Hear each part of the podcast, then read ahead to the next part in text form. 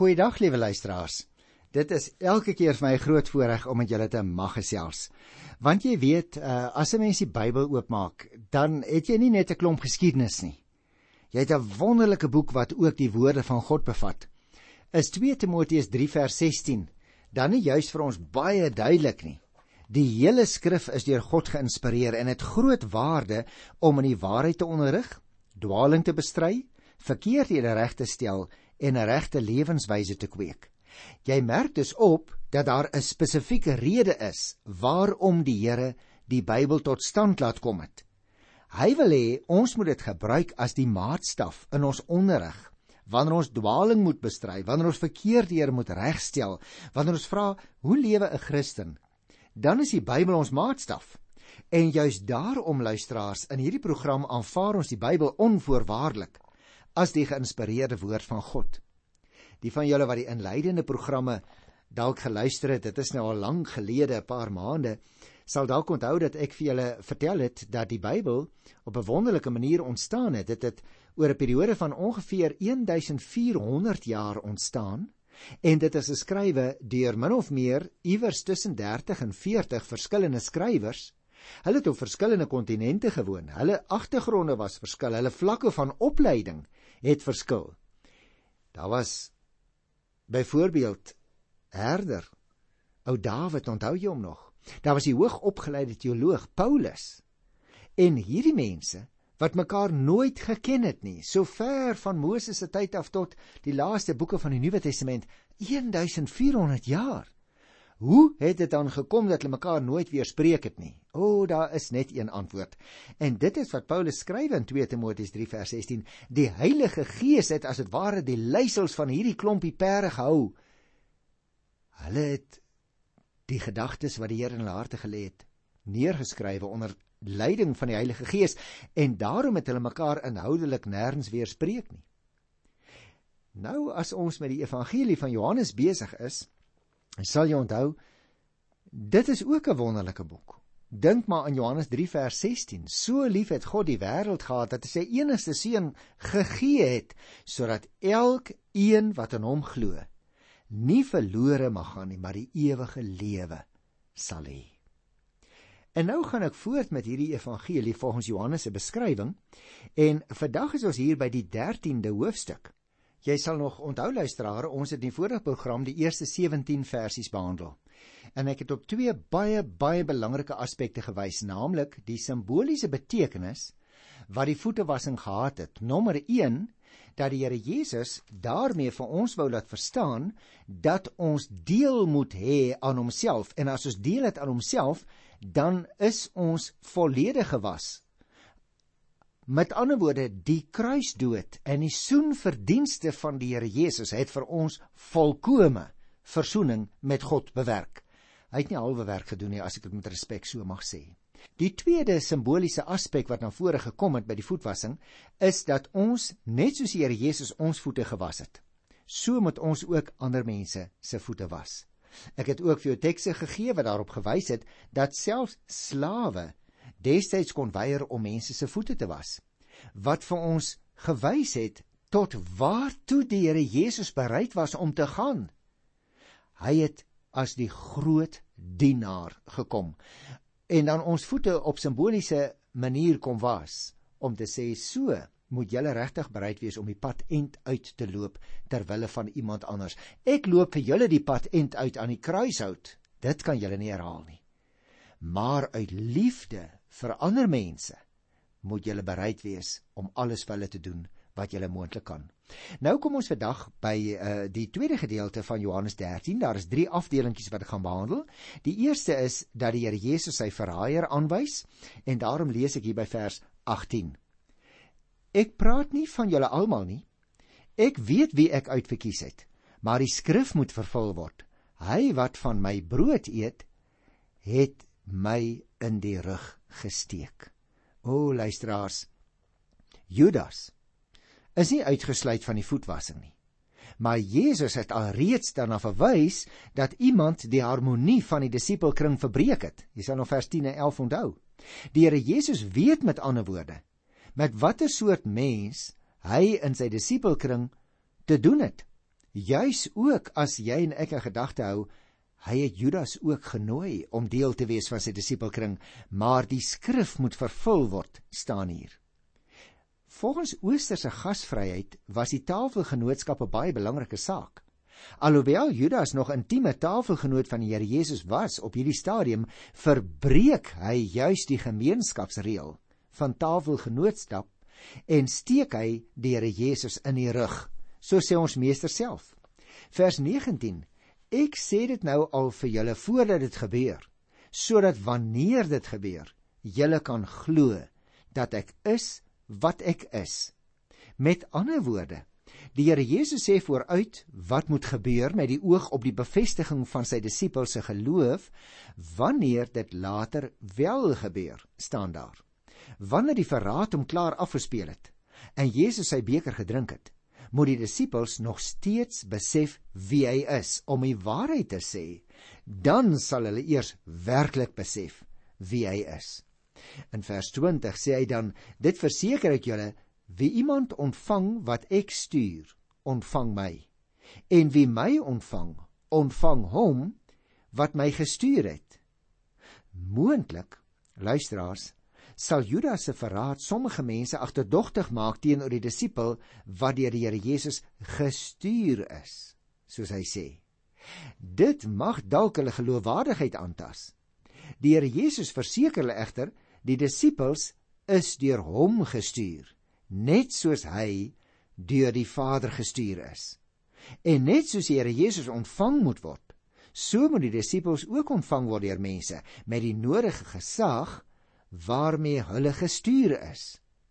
Hulle dus besef op hierdie stadium dat hulle gestuur word as die verteenwoordigers, as die ambassadeurs van die Here self.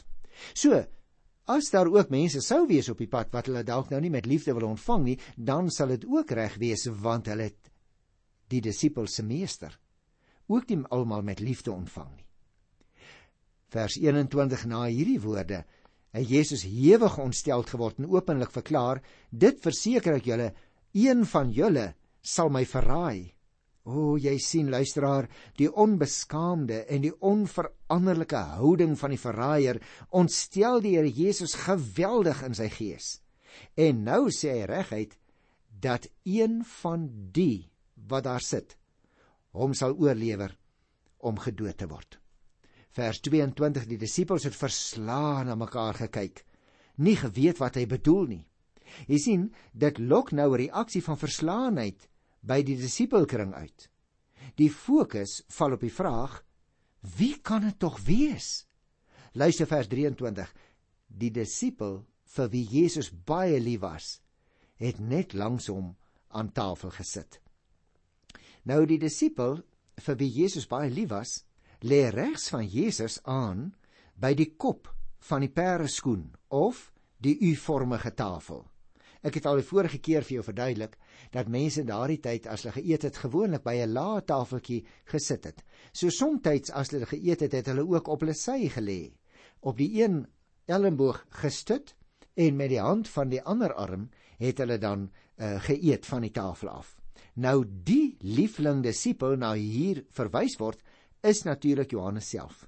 En hy neem 'n besondere plek aan die tafel in want ons kan aanvaar dat die Here Jesus self aan die kop van die tafel gesit het. Moontlik was Petrus se plek onderaan een van die lang punte van die tafel. Hoe dit ook al sy, dis my elke keer as ek dit raak lees, wonderlik dat uh Johannes die evangelis nooit na homself verwys het as ek nie, maar elke keer as die disipel vir wie die Here Jesus liefgehad het. Daarom staan Johannes ook bekend as die apostel van die liefde, né? Want hy het ook daardie drie kort briefies agter in die Bybel geskrywe, so iewers na die jaar 90 na Christus. Maar kom ons gaan aan met ons teks, vers 24. Simon Petrus beduie toe vir hom dat hy moet vra wie dit is wat Jesus bedoel. Petrus beduie nou vir die liefling disipel Johannes om vir Jesus te vra: Here, wie is dit Na wie verwys u? Wie vir wie bedoel u? Wie kan so 'n verskriklike ding wil doen? Vers 25. Hy leun toe oor na Jesus se kant toe en vra hom: Here, wie is dit? Nou hierdie liefling disipel leun toe op sy linker elmboog ver agteroor tot by na aan Jesus se bors om saggies en so ongemerk moontlik te vra wie dit dan nou is wat hierdie verskriklike ding kan doen. In vers 26 antwoord die Here Jesus: Dit is die een vir wie ek 'n stukkie brood wat ek in die sous ingesteek het, sal gee. Ek dink ek moet miskien net hier ter verduideliking sê, luisteraars, dit was die manier waarop die eregas by ete uitgesonder is. Die gasheer het gewoonlik as simbool van sy eie goeie bedoelings 'n porsie brood aan 'n spesiale gas gegee. Die Here Jesus doop toe hierdie broodjie in die vrugtesous en hy gee dit aan Judas. Vir Judas, maar ook vir Jesus, is dit 'n oomblik van waarheid. Het jy opgemerk? Jesus noem nie net 'n naam nie, maar hy beskryf 'n uitkenningsdaad. Die oosterse gasheer het dikwels dan as 'n guns betoon dit aan so 'n persoon gegee soos ek nou net verduidelik het. En toe druk die Here Jesus 'n stukkie brood in die sous van fyngemaakte vrugte want dit was gewoonlik soos hulle dit gedoen het en hy gee dit aan Judas die seun van Simon Iskariot. Die man is dus aan die kaak gestel want die uitkenningsteken het vir Judas die oomblik van waarheid gebring maar ook vir Jesus. Ek lees dit weer. Jesus vat toe 'n stukkie brood, steek dit in die sous en gee dit vir Judas, die seun van Judas Iskariot. En dan vertel vers 27 vir ons en nadat Judas die stukkie brood gevat het, het die Satan hom ingevaar. Toe sê Jesus vir hom: "Wat jy wil doen, moet jy baie gou doen." Het jy opgemerk luisteraar?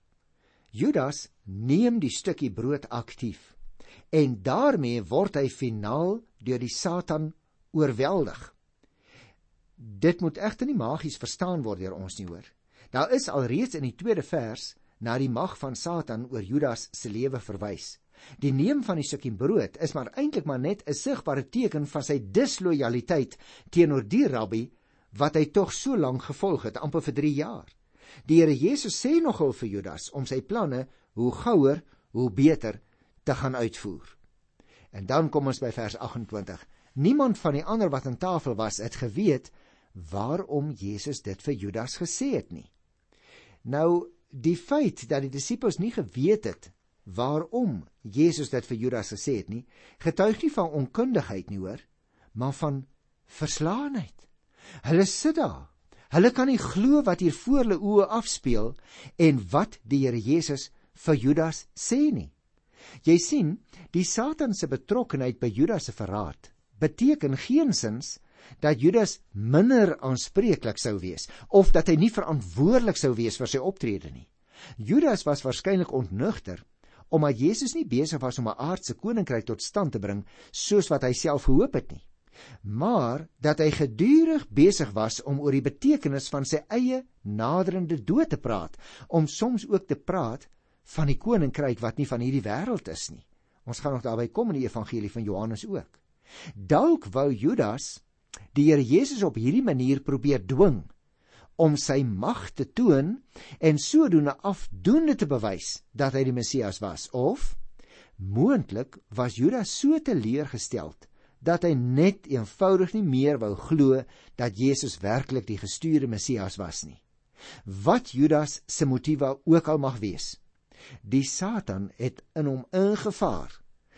Jesus gaan oorgelewer word en Judas gaan die instrument wees. Judas gaan met ander woorde aandeel hê aan 'n einde maak aan die werk van Here Jesus. Hy gaan saam speel met die duiwel self.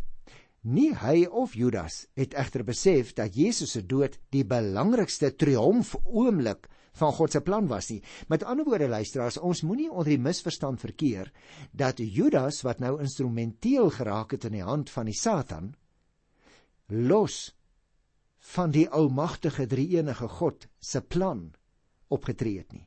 Jesus het immers na hierdie wêreld toe gekom om te kom sterwe. Die Johannes Evangelie beskryf hierdie pynlike oomblikke vir Jesus en disippels tot in die fynste besonderhede. Dit lyk vir my dat ons daarin juis kan sien dat Jesus presies geweet het wat met hom sou gebeur. Hy het van Judas en van Petrus geweet. Maar natuurlik het die Here Jesus nie doelbewus enige iets daaraan probeer verander nie. Het hy ook nie opgehou om ook hierdie mense lief te hê nie. En dit is natuurlik tipies van die Here Jesus se liefde broer en suster. Hy het ons onvoorwaardelik lief. Hy sal ons vergewe wanneer ons hom om vergifnis vra wat ons ook al gedoen het. Judas kon dit waarskynlik nie verwerk nie. En daarom het hy sy lewe tragies tot 'n einde op hierdie manier laat kom want uiteindelik het hy hom gaan ophang. Jy ken die geskiedenis, né? Gaan lees in daarna Handelinge 1 en 2. Petrus het dit wel later verstaan. En daarom het hy sy lewe ondanks sy eie swakhede in diens van God gelei. Dit word vertel dat Petrus uiteindelik onderste bo gekruisig is aan 'n houtkruis omdat hy nie wou sterwe soos sy meester nie. Maar die punt is hy het end uit deur Jesus bly volg. Hy het end uit aan sy geloof vasgehou. Liewer laat ek dit so sê. Hy is deur God vasgehou ook toe hy sy verantwoordelikheid nagekom het. God vra dit wat hy gegee het, naamlik loyale geloof. Volg jy hom in loyaliteit luisteraars? Ek volg hom dikwels nie. Ek laat hom dikwels in die steek. Kom ons gaan verder met ons gedeelte. By vers 28 staan daar: Niemand van die ander wat aan tafel was, het geweet waarom Jesus dit vir hom gesê het nie dat die disipelkring nie geweet het waarom dit vir Judas gesê is nie, getuig soos ek net nou vir jou gesê het, waarskynlik van hulle totale verslaanheid. Hulle kon net nie glo wat hulle hier met hulle eie ore hoor nie. Vers 29 sê omdat Judas die beursie gehad het, het party van hulle gedink dat Jesus vir hom sê gaan koop wat ons vir die Paasfees nodig het of dat hy iets vir die armes moes gaan gee. Jy sien sommige van die disippels wat daar gesit en luister het na wat hier gebeur het en met hulle eie oë dit aanskou het, het gedink dat Judas wat die penningmeester van die groep uh disippels was, nog iets vir die res van die fees moes gaan koop of dat Jesus hom gevra het om iets vir die armes te gaan gee wat die gebruik in die paastyd was dan het mense dikwels almoses gegee aan arme mense Maar vers 30 sê nadat Judas dan die stukkie brood gevat het, het hy dadelik uitgegaan en dan die gelade opmerking wat Johannes hier neerskrywe, dit was nag. Luisteraars, Judas verlaat nou finaal die gemeenskap met die Here Jesus en sy disipelkring. Hy is op pad na die owerhede toe. Hy gaan die Here Jesus verraai. Die Paasfeesmaaltyd is gedurende die laat aand genuttig en daarom staan hier dit was nag toe Judas vertrek het. Vir hom wil ek sê was dit ook figuurlik lag, want die nag was besig om toe te sak oor sy eie lewe. En dan kom ons hier by 'n baie kort perikopie. Die opskrif is Jesus se heengaan is naby. Vers 31 en 32 sê toe Judas uit is, sê Jesus nou word die seun van die mens verheerlik en God word deur hom verheerlik. En aangesien God deur hom verheerlik word, sal God self ook hom verheerlik en hy sal hom binnekort verheerlik. Jy sien luisteraar, die volgende 8 verse wat ons hier kry, dien eintlik as 'n inleiding op die Here Jesus se afskeidsgesprekke met sy disippels waarvan ek al in 'n vorige program vertel het. Judas is uit, het ons gelees, en die verlossingsdrama gaan nou so finale stadium binne. Dis asof die musiek al vinniger word. Die Here Jesus sê dat hy nou deur te sterwe verheerlik gaan word en dat ook sy Vader verheerlik gaan word. Jy sien die Here Jesus se sterwe en opstanding is natuurlik die sigbare openbaring van God se majesteit en sy krag. Die Vader beseël die werk van sy seun deur hom ook te verheerlik in die ewige eerlikheid wat sonder uitstel binnekort gaan aanbreek sê die Here Jesus. Vers 33 my kinders, ek is nog net 'n kort rukkie by julle, dan sal julle my soek en soos ek vir die Jode gesê het, sê ek nou vir julle ook, waar ek heen gaan, kan julle nie kom nie. Nou kyk die Here Jesus na die disippels wat moet agterbly. Ek wonder of haar trane sy oë gekom het luisteraars, want luister hy sê my kinders. Met ander woorde, my kinders, julle wat van soveel geneentheid teenoor my getuig. Luisteraars, die Here Jesus se weggaan is op hande op hierdie stadium. Hy's nog net 'n klein rukkie by sy disippels en hy sê dit vir hulle. Sy weggaan dui dus sowel op sy sterwe ook op sy hemelvaart, die teruggaan na sy Vader toe. En net soos die Here Jesus dit vir die Jode gesê het, onthou jy dit nog daar uit uh, Johannes 7 vers 33 en hy het dit ook gesê in Johannes 8 vers 21. So sê hy nou ook aan die disippels dat hulle nie kan kom waar hy kom wanneer hy weggaan nie. Die Jode sal die Here Jesus wanhoopig soek om hulle te verlos van hulle ellende. En die disippels sal Here Jesus ook soek om hulle met hom te verenig. Maar Jesus gaan nou die dood en die verhoging in en die disippels kan hom nie nou volg nie. Kom ek lees vers 34 en 35. Ek gee julle 'n nuwe gebod. Julle moet mekaar lief hê Soos ek julle liefhet, moet julle mekaar ook lief hê en as julle mekaar liefhet, sal almal weet dat julle my disippels is. Jy sien luisteraar, Here Jesus sê hier dat almal sal sien as jy en ek ook as sy disippels vir hom liefhet. Sy liefde in die wêreld bekend maak. En dis vir my 'n wonderlike gedagte om God se liefde sigbaar te mag maak in 'n wêreld wat juis smag om ware liefde te sien en te belewe in ons tyd, is dit nie waar nie. Die gebod om mekaar lief te hê was natuurlik glad nie 'n nuwe gebod nie. Ons kry dit ook in Levitikus 19 vers 18. Ons het dit daar behandel. Maar om ander mense so lief te hê soos wat Jesus Christus hulle het, dit is beslis 'n nuwe gebod. Ons naaste liefde moet gegrond wees op Christus se liefde vir ons. En dit was so groot dat hy die hoogste offer daarvoor gebring het. En sulke liefde sal nie net gelowiges na Christus lei nie, maar ook dien tot versterking en vereniging van gelowiges in hierdie vyandige wêreld. Die Here Jesus was dus 'n lewende voorbeeld van God se liefde. Net soos jy en ek ook weer lewende voorbeelde van die Here Jesus se liefde moet wees. Ons moet onthou luisteraars op hierdie stadium uh, moet die disippels in 'n nuwe verhouding met die Here Jesus leef. En daarom sê hy ek gee julle 'n nuwe gebod wat vir my gaan beteken tot die dood toe. En daarom het ek die 35ste vers as julle mekaar liefhet, sal almal weet dat julle my disippels is. Jy sien, die beoefening van hierdie onderlinge diep liefde maak die disippels uitkenbaar teenoor almal daar buite. Die kenteken van ware disippelskap is die liefde vir mekaar. En daarom ons laaste verse. Simon Petrus sê toe vir hom: "Here, waarheen gaan u?" Jesus het hom geantwoord: "Waarheen ek gaan, kan jy my nie nou volg nie, maar later sal jy my volg." Toe sê Petrus vir hom: "Here, hoekom kan ek u nie nou volg nie? Ek sal my lewe vir u aflê." En let nou op luisteraars, sal jy jou lewe vir my aflê? vra Jesus. Dit verseker ek jou, nog voor die haan kraai, sal jy my 3 maal verloon. Jy sien, Petrus het flissies nog vol selfvertroue beweer dat hy bereid was om om vir die Here Jesus te sterf, maar Jesus het hom reggehelp. Hy het geweet dat Petrus hom nog daardie selfde nag sou verloon om homself te red gaan kyk maar in Johannes 18 daar van die 25ste vers af maar ons gaan nog daar kom. Julle sien luisteraars, ten spyte van Judas en Petrus se teleurstellende optrede is die voortgang van die evangelie boodskap van verlossing nie daardeur gestuit nie.